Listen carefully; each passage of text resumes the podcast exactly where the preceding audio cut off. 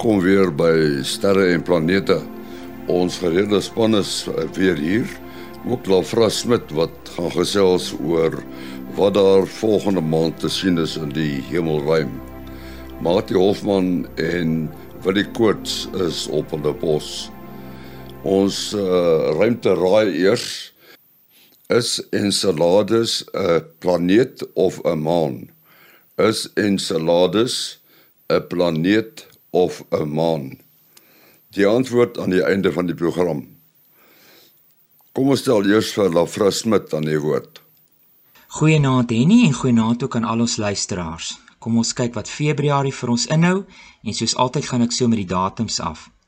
Die oggend van die 8ste sal die maan 'n mooi driehoek met die planete Venus en Mars maak, vroeg die oggend voor sonop in die ooste. Die 15de sal die maan naby Jupiter wees en die 16de deur die Pleiades deur beweeg. Dit gaan nogal interessant wees om te sien. Die maan gaan die aand net so na 9 voor die Pleiades inskuif en van die sterre okkulteer. So kyk gerus met 'n teleskoop of 'n verkyker daarna. Die oggend van die 22ste sal Venus en Mars in konjunksie wees, vroeg die oggend in die ooste. Venus sal die helder planeet links wees met Mars aan die regterkant. Onthou om die oggend daarna te kyk. Die 24ste is volmaan en is die maan ook naby aan die ster Regulus. Die maan is die volgende dag op sy verste punt van die aarde af, so volmaan gaan so te sê op sy kleinste wees. As ons na die planete kyk, Mercurius is vir omtrent die eerste helfte van die maand nog sigbaar vroegoggend in die ooste, maar verdwyn dan vir die res van die maand in die gloed van die son in. Venus bly vir Februarie nog mooi helder te sien as ons oggendster in die ooste net voor sonop, maar beweeg ook stadig maar seker nader aan die son.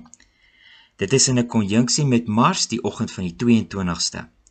So van Mars gepraat, die planeet is ook sigbaar vir die hele maand laag op die oostelike horison net voor sonop. Jupiter is nog mooi te sien net na sononder hoog in die noorde. Dit gaan sak in die weste so teen 10:00 die aand. En dan laaste Saturnus tans baie naby aan die son soos dit agter die son in beweeg van ons perspektief af. Saturnus sal eers weer die middel van Maart te sien wees vroeg die oggend in die ooste net voor sonop. Ons somerkonstellasie Orion oorheers nog steeds die naghemel en sak eers hier teen 2uur in die weste. Die skorpioen begin stadig weer sigbaar word in die ooste net bo die helder planete voor sonop. Die suidekruis is weer mooi te sien, eers laag in 'n suidoostelike rigting, vroeg aand en dan net voor sonop al mooi regop in die suide. Dan wil ek 'n bietjie gesels oor Elon Musk se SpaceX en die Starlink satelliete. Dit is nou al algemene kennis dat SpaceX gereeld van die Starlink satelliete lanseer in groepe van 20 en selfs meer. Enkele dae na 'n lansering kry ons dit dat as die ligging en tyd reg uitwerk dat ons hierdie satelliete as 'n lang treintjie so deur die naghemel kan sien beweeg. Paar dae later ontplooi hulle sonskerms en is hulle dan nie meer so helder sigbaar nie. Maar ek en Willie het agtergekom dat hulle wel laat in die aande gewoonlik in 'n suidwestelike rigting laag op die horison te sien is. As die son vir so 'n paar sekondes deur hulle sonpanele terug aarde toe weerkaats word. In Oktober het ons omtrent elke minuut een sien beweeg, ophelder en dan weer dof raak. Hier in die begin van Januarie het ek weer een aand so 10uur 11uur se kant gesien hoe hulle lekker bedrywig is, laag in 'n suidwestelike rigting. Toe ek dit vir Willie noem toe sê hy dat hy nie juis van hulle kan sien daaronder in die Kaap nie. So ons vermoed in Oktober is hulle mooi te sien vir die Kaap omgewing en dan hier in Januarie weer vir ons almal hier in die noorde, die Vrystaat en Gauteng en so voorts. So as jy na die Starlinks wil kyk wat nou al lank in 'n wentelbaan om die aarde is, kyk gerus so van 10 uur af in 'n suidwestelike rigting, maar soos wat ek nou net genoem het, dis nou eers sigbaar vir ons hier in die Vrystaat en Gauteng en so aan en dan in Oktober vir die mense in die Kaap. Ek kyk nog steeds uit vir die komete en sal julle op hoogte hou as daar een is wat mooi ophelder en hoe om dit dan te kan sien. Dit is al my storie vir Februarie tot volgende keer lekker opkyk almal. Dankie Lafras. Maatie in die onlangse verlede was daar uh, berigte oor ringformasies wat gevind is in die hemelruim. En, en hoekom is dit so belangrik? En nie die vraag is uh, net oor dat daar formasies gevind word nie, daar's baie formasies. Ons kan nou maar net dink aan sonnestelsels en op groter skaal galaksies en dan op nog groter skaal uh galaksietrosse en dan supertrosse uh en dan is die heelal uit baie sulke supertrosse uh saamgestel. Uh nou baie van ons luisteraars het dalk al 'n diagram gesien wat die uh wat die waarneembare heelal voorstel in terme van 'n klomp spikkeltjies uh wat die spikkeltjies nou nie sterre voorstel nie en ook nie galaksies voorstel nie, ook nie galaksietrosse voorstel nie, maar supertrosse van galaksies. En as mens daarna kyk, dan lyk dit uh dan lyk die heelal so halfe sponsagtige struktuur. Ehm um, met ander woorde dis die die kolletjies is nie heeltemal eenvormig versprei nie, dit soos 'n uh, bietjie holtes. Nou daardie uh, holtes is die grootste strukture wat dan in die uh, standaard kosmologie uh, uh, bestaan of behoort te bestaan en dit is in elk geval kleiner as 'n biljoen ligjare of in elk geval in daardie uh omgewing. In die standaard kosmologie word aanvaar dat op 'n groot genoeg skaal wat dan nou op die skaal is van hierdie supertrosse is die heelal redelik eintlik maar dieselfde in alle rigtings en op alle plekke. En nou en op ons skaal is dit baie moeilik om dit nou ernstig op te neem want duidelik as ons in die aand gaan sterre kyk dan uh, kan ons die band van die Melkweg sien en mens kan die Andromeda sterrestelsel daar in een rigting sien. Maar dit is dit is op 'n skaal van 'n paar honderd duisend ligjare uh die Andromeda in ons lokale Melkweg tros so in die omgewing van tiene van uh miljoen ligjare. Uh maar ons praat nou hier van op die skaal van 'n biljoen ligjare uh, plus.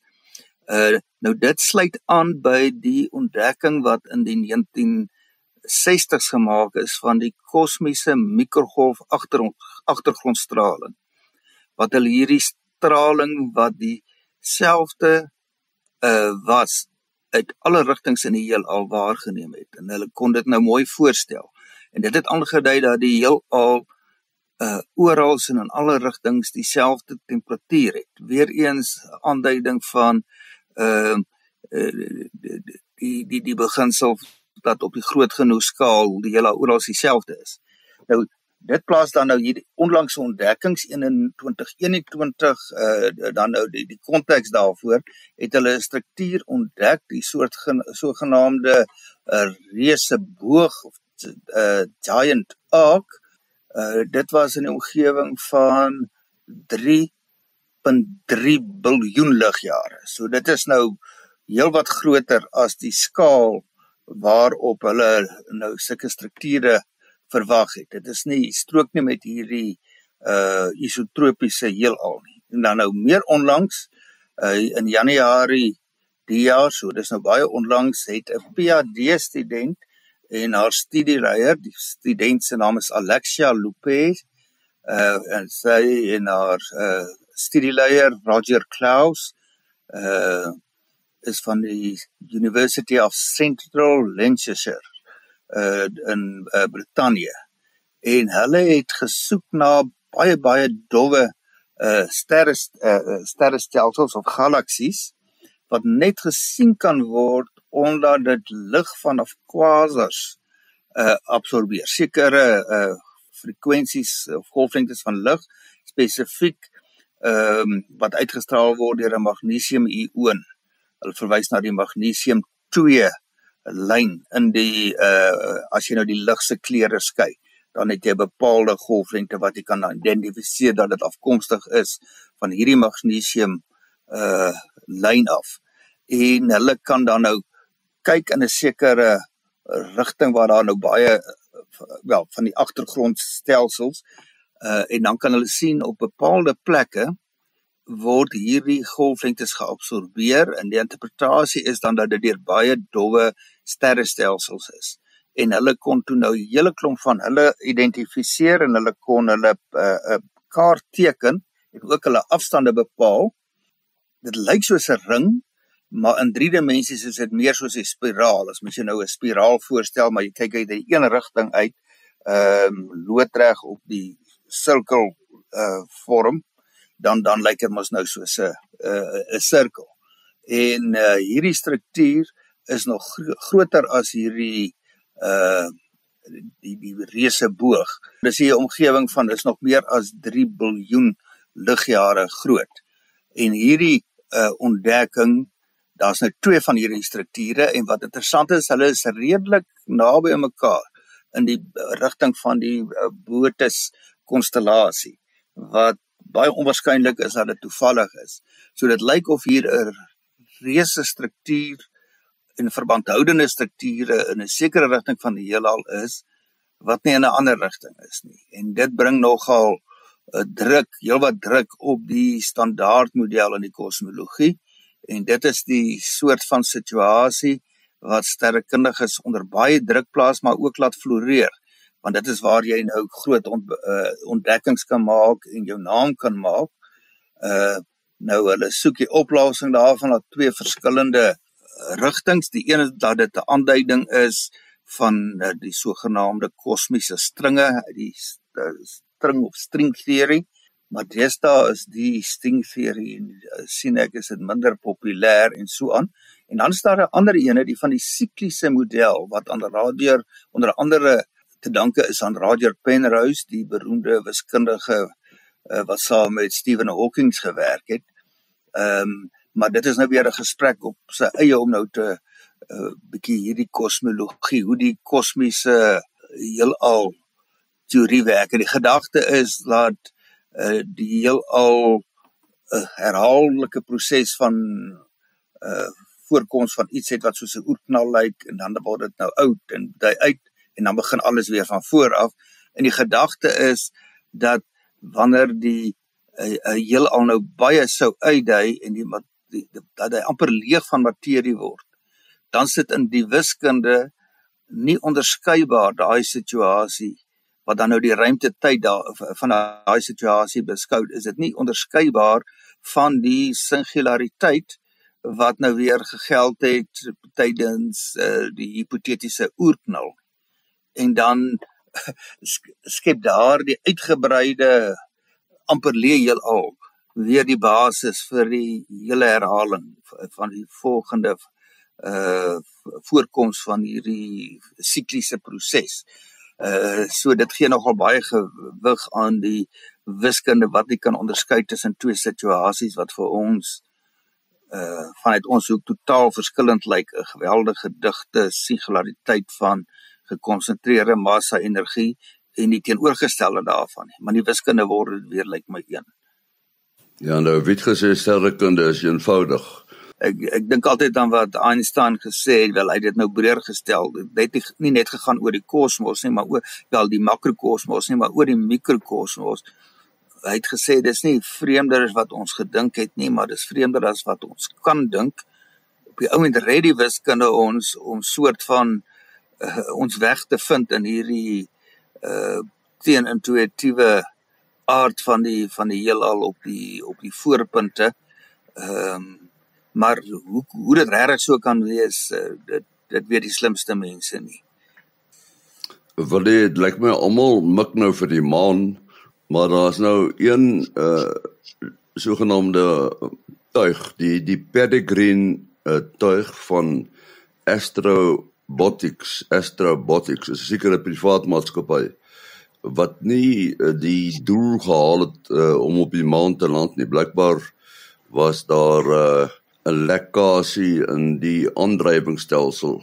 Ja, dis reg. Ons het uh, wat is dit 'n week of twee gelede dit so as kramps genoem dat uh, die uh, privaat maatskappy soos jy sê hierdie Astrobotics wat die sogenaamde Peregrine uh uh landertjie na die na die maan toe gestuur het uh, ba, nogal baie um entoesiasties en dit was wat was dit die eerste keer dat van Amerikaanse grondgebied daar weer iets op die op die maan sou sou gaan land het.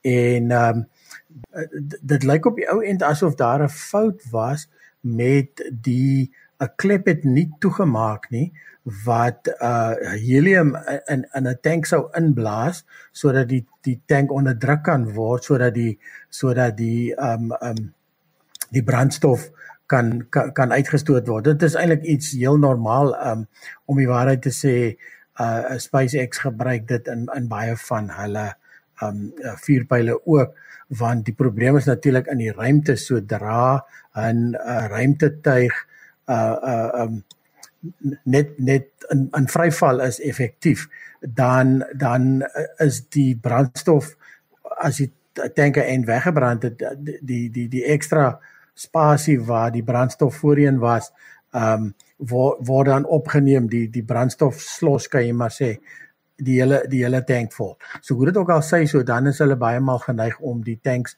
met helium onder druk te sit en dan forceer dit die brandstof uit na die motore toe.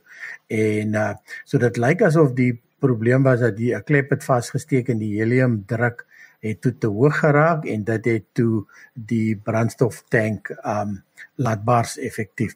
Ons het genoem van in die isolasie rondom die tuigie kon jy gesien het daar is 'n is 'n soort van gekreukel.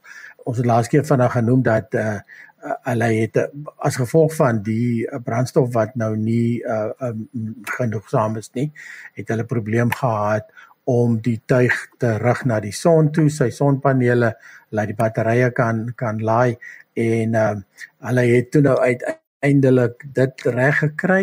Toe nou uiteindelik genoeg beheer onder die uh, aan aan aan die uh, tuig gekry sodat hulle um, sekere goederes wel kon doen en um, en en dan toe ook uiteindelik besluit om hom terug te bring aarde toe wat eintlik 'n baie verantwoordelike besluit is want soos ons weet daar is eintlik al soveel um, ruimte rommel daarbo um, um, satelliete wat nie meer werk nie. So terwyl jy nog die kans het om die satelliet te Eh, kan beheer en daar is nog 'n bietjie brandstof oor het hulle toe uiteindelik eintlik baie goed gedoen deur die tuigie te laat val baie mooi na aan die beplande ehm um, dis eintlik nou die noodplan die kan maar amper sê hulle het 'n noodlanding uitgevoer en, en hom in die in die in die maar in die middel van die stille oos oseaan laat val. Toe ja, en dan ook in dieselfde week eh, waar die Japaneese nou die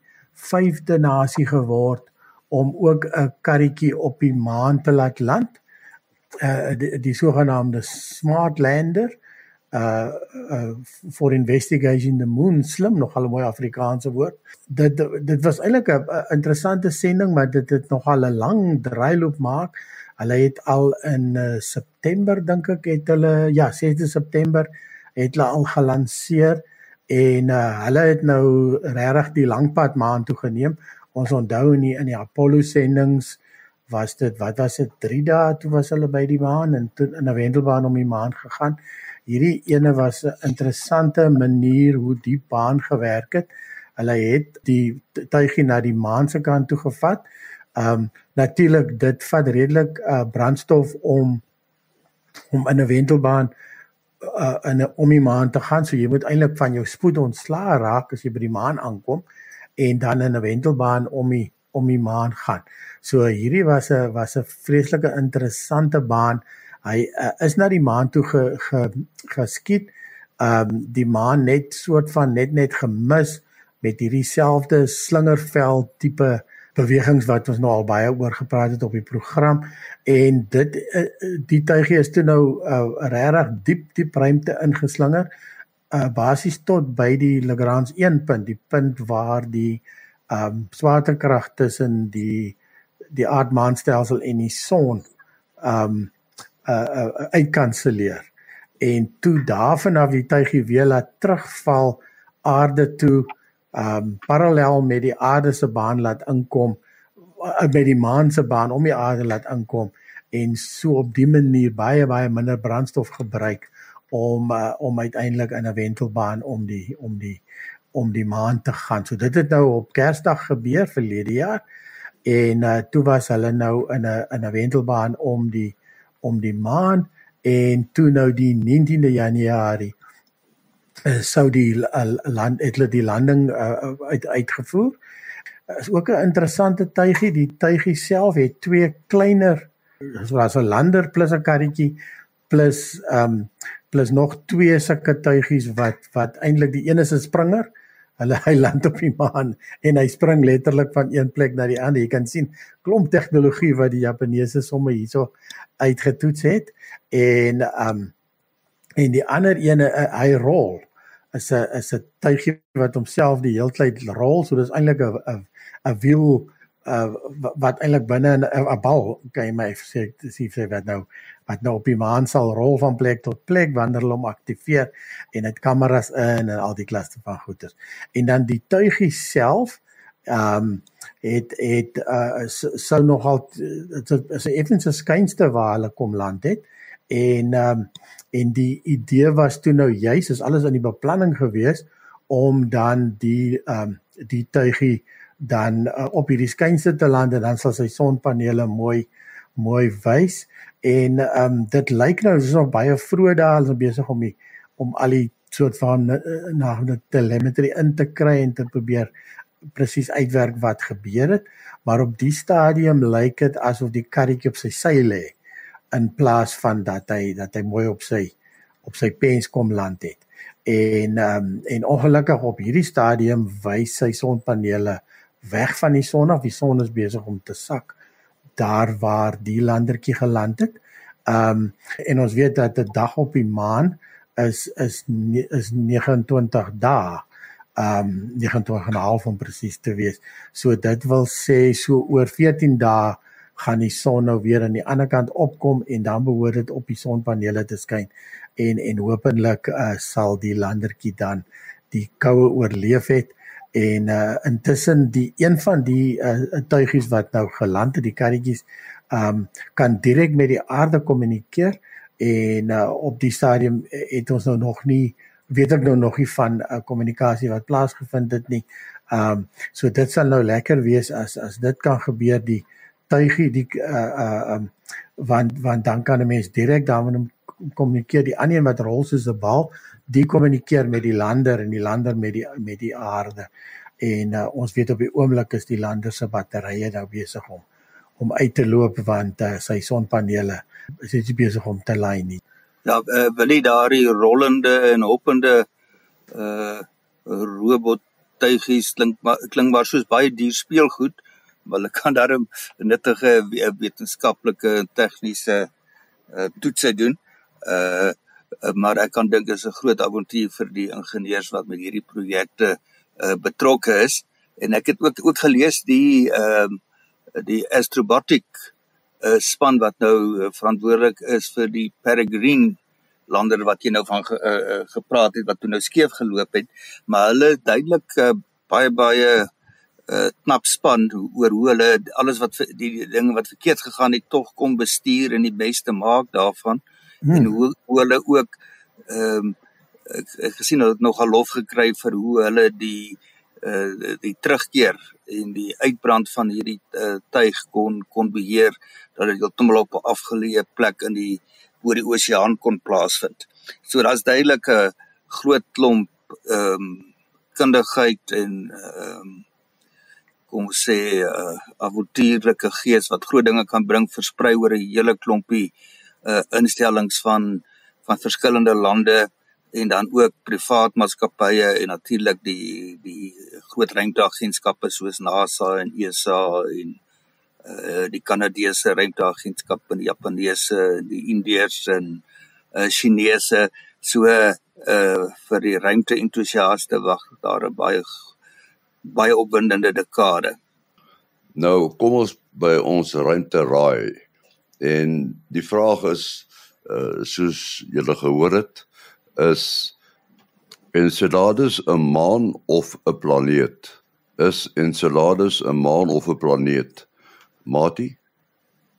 Uh ja, gelukkig uh, uh weet ek daai ene want ons het al 'n paar, keer oor Enceladus uh, gepraat en dit is natuurlik een van die uh, maane van uh, van Saturnus en ook in die uh, in die fokus omdat dit spuite het wat dui op ehm um, uh ondergrondse oseane of onder ys. Daar's 'n yskors en onder die yskors is daar uh dan oseane wat uh baie aandag gaan trek. Hulle hy's een van die teikens om van hierdie cryobots uh daar te gaan vrystel wat deur die ys kan smelt uh om tot daar onder die ys in die in die oseane te kan kom en dan waarnemings te kan doen.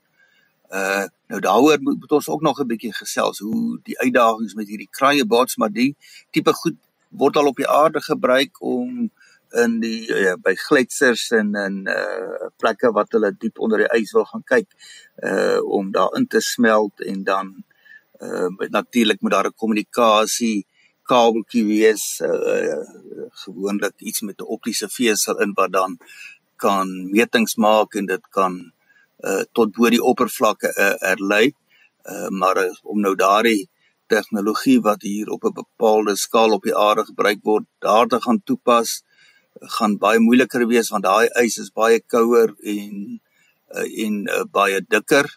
Uh, maar hulle dink daaraan en ons het gesien as jy 'n klomp ingenieurs met genoeg geld uh bymekaar sit, kan hulle nogal ongelooflike uh uitdagings baas raak. Terwyl jy besig is, Matie, uh kan jy vir ons 'n besonderhede gee? Uh selfoonnommer 0836257154. 0836257154. Wat is? is 0724579208. 0724579208. En my besonderhede is 0825724170. 0825724170. En on, onthou ons uh, Facebook groep is Henny Maas en sy ruimtespan. Henny Maas en sy ruimtespan. En dan uh, kan jy ook kyk na ons uh, e-posadres sterreplanete@gmail.com sterreplanete@gmail.com Volgende week is ons terug. Tot dan, alles van die beste.